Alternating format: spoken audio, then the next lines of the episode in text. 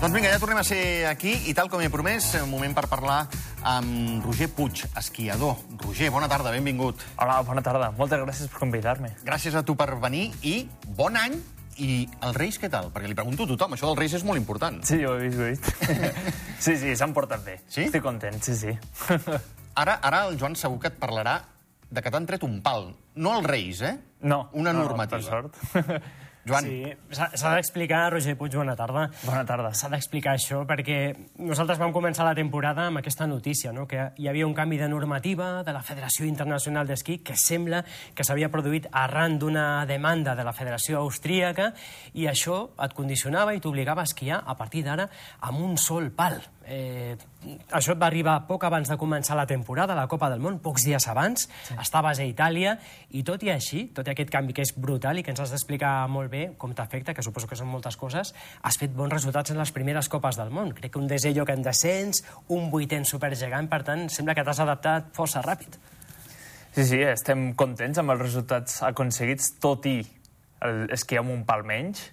Clar, aquest canvi va venir el- el l'1 de novembre, vam tenir dues setmanes per adaptar-nos, per adaptar la tècnica, i clar, el, el, que et treguin un pal, a més d'afectar-te a, a la sortida, que de per si ja és una penalització molt grossa, haver de remar només amb un pal, és, afecta molt a l'equilibri. A la, amb, la, amb les curves el, es cau el pes cap a la banda on tens el pal. I quan cau cap a l'interior, doncs és molt fàcil la caiguda o que no et surti una curva, una curva gaire bona. I aquestes la, són les afectacions principals. A mi el que no em quedava clar, Roger, era per què aquesta reclamació d'Àustria, per, què, per quin motiu i per què prospera, no? bueno, prospera perquè la, la Federació Austríaca té molt poder amb l'esquí para. Quasi, tot, quasi totes les curses es fan allà a Àustria, així que té molta influència. I després el, el motiu... Deu haver-hi diversos motius, però un dels motius és l'any passat la Copa d'Europa, la final de Copa d'Europa va ser a Àustria. Estava liderant, estava jo, però segon estava un austríac que el tenia relativament a prop de que si fe, feia alguna errada, com per exemple no arribava un DNF, ell, ell es posava en primera posició.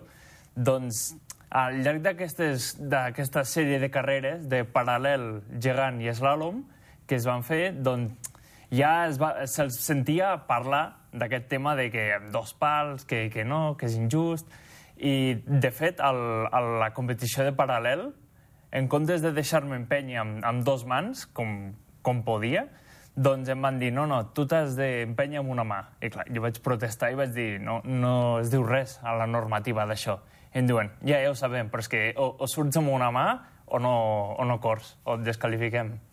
Uh -huh. Així que, d'aquesta manera T'has hagut, hagut d'adaptar, però el Sí. que dèiem, eh? els resultats t'estan acompanyant i amb temps contra rellotge has demostrat que també pots esquiar molt bé i ser molt competitiu amb un sol pal. Sí, sí, estem, estem adaptant-nos a temps rècord, a una nova tècnica, perquè al final té molta afectació, esquiar amb un pal, però la veritat és que ens està sortint prou bé. Ens agradaria que ens sortís millor perquè hem fet una bona pretemporada on estàvem esquiant amb una qualitat bastant major que la temporada passada i, amb, i això de que ens hagin tret un pal ens ha empitjorat una mica la tècnica que hem de recuperar. Però anem bé. Roger, ara el, Joan repescarà aquesta, aquesta nova temporada. Deixa'm que et traslladi el mes de juny, que començaves tu el, el teu el, el físic, diguéssim, eh, el, treball, el treball físic. Clar, jo no sé si és un dels reptes que t'has plantejat per aquesta temporada, per això t'ho vull lligar amb el que et pugui preguntar el, el Joan, de cara a aquesta nova temporada, si el repte és millorar, perquè l'any passat vas fer, o la temporada passada vas fer la teva millor temporada. Sí, sí, està clar. Cada temporada es busca millorar l'anterior i, de fet, aquesta temporada ja el els objectius ja no són top 10, sinó és top 5, d'anar-nos acostant cada cop més al podi i si fins i tot hi hagués, pogués caure algun podi, un, un desig seria, doncs, agafar-lo, no? Si hi ha l'oportunitat, aprofitar-la. I creus que se't pot eh, presentar aquesta oportunitat de podi? Sí, sí, sí. No és, no és segura, però sí que a vegades ens hem quedat molt a prop del podi, així que jo crec que és possible. Si podem anar uns mesos enrere, eh? jo també et volia demanar, ara que parlava el, el Xavi una mica de l'inici de la temporada, Roger, de la pretemporada que vas fer a Xile, perquè vas tenir l'oportunitat d'entrenar al costat d'Ester Ledeca, no? aquesta esquiadora txeca que ha estat campiona olímpica en esquí alpí i en surf de, de neu, eh, i amb altres corredors top, no?, de Copa del Món i de Copa d'Europa. Suposo que ha estat una pretemporada, tot i que després t'hagin canviat amb aquesta normativa nova, doncs tot el treball una miqueta que, que havies fet a, a Xile, però imagino que va ser una pretemporada molt, molt important per tu. Sí, sí, aquesta pretemporada és la pretemporada amb, amb més dies que hem tingut fins la data amb tres setmanes a Xile, tornar, i després un estatge de cinc setmanes. Va ser una pretemporada molt profitosa, i el segon estatge de cinc setmanes ens va enganxar eh, un temporal de pluja que es diu El Niño, que va ploure durant molts dies seguits i vam estar tancats al, a l'apartament on estàvem però al final, durant la, les últimes tres setmanes, vam poder aprofitar-lo al màxim i fins i tot vam poder entrenar amb, amb l'Ester Ledeca, un altre xec de Copa del Món i equip austríac de Copa Europa. Va ser molt profitós, vam sortir encantats d'aquest estatge. Roger, vas proclamar campió d'Europa amb la millor puntuació en la suma de totes les disciplines i vas acabar primer a la classificació d'eslàlom. Això com, com es millora?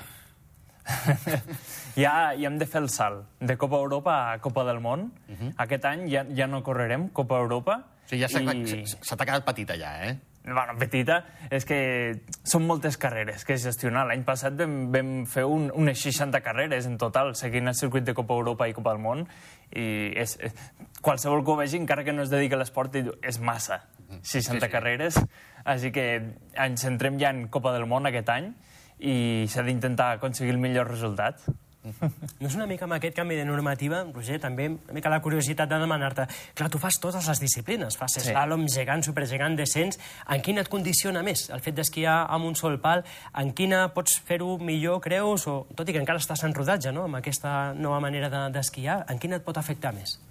En la que, les que m'afecta més és en velocitat perquè és en, en, les, car en les carreres, si t'hi fixes en la tècnica de velocitat, s'esquia molt així com estabilitzant el cos, perquè es va molt ràpid, i es busca una posició el més equilibrada possible. I al, i al faltar un pal, en les curves, doncs té molta afectació i, i el tall net potser costa més aconseguir-lo.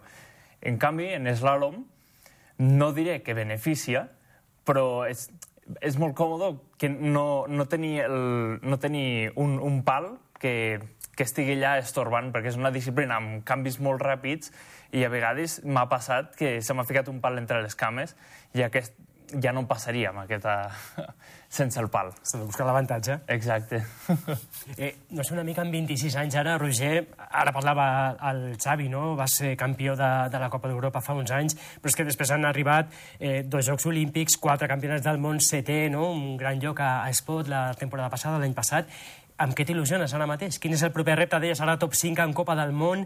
No sé si mires també de cara a propers mundials o Jocs Olímpics. Què t'il·lusiona? Home, fer un top 10 en Copa del Món sempre fa il·lusió. I com que moltes localitzacions de, de carreres són les mateixes que l'any passat, es busca millorar el resultat de l'any passat i, i amb això ja, ja, ja és la motivació que es busca i també aconseguir un, una, una millor tècnica. És, és la meva il·lusió. També, també mm, em motiva molt. Però... I com a resultat? Com a resultat, top 5 em fa molta il·lusió. No, així com en, en grans cites, com en mundials, no, no em marco una posició de... Eh, busco la regularitat en els bons resultats. No, no em serveix, un, per exemple, un cinquè als campionats mundials, però després en Copa d'Europa, que és la regularitat, doncs no, no està aconseguint tan bones posicions. Així que estic intentant millorar en el tot. Roger, què suposa per tu estar o formar part de l'equip de la federació? Aquest és el primer any que estem a la federació 100% sí.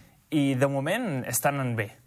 Estem contents d'aquesta aquest, integració de l'equip i esperem que així segueixi de moment està fent molt bons resultats i hem aconseguit un parell de patrocinadors nous que són per l'equip i ara ja no, no hem de pagar nosaltres, sinó que paga la federació i, i els patrocinadors ja han anat a la FAE i després ells també han buscat els patrocinadors per la seva banda, així que estic content. Detall important, eh? Sí, sí.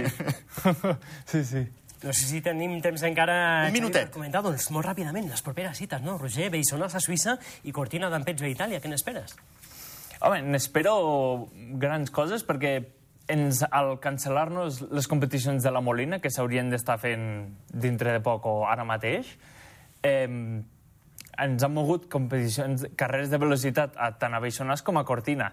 Cortina és la futura localització dels jocs, així que em fa molta il·lusió poder córrer velocitat en, a- en aquelles pistes. Una, mit, una mítica pista, també, la de Cortina. Aquí ja tindrem top 5. Ah, això sempre es busca. Una mica de pressió. Com apretem, eh? Sí, sí, exacte. Quina pressió.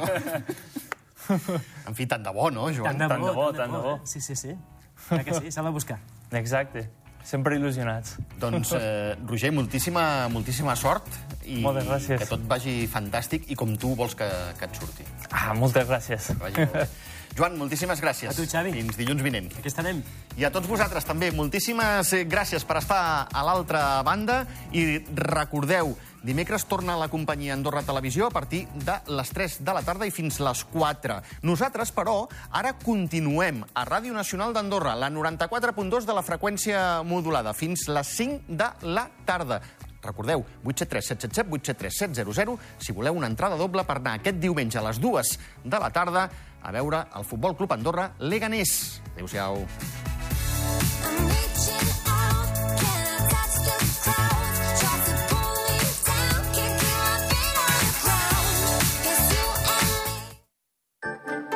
Hem vist créixer el país amb seguretat. Hem vist néixer la Constitució amb esperança.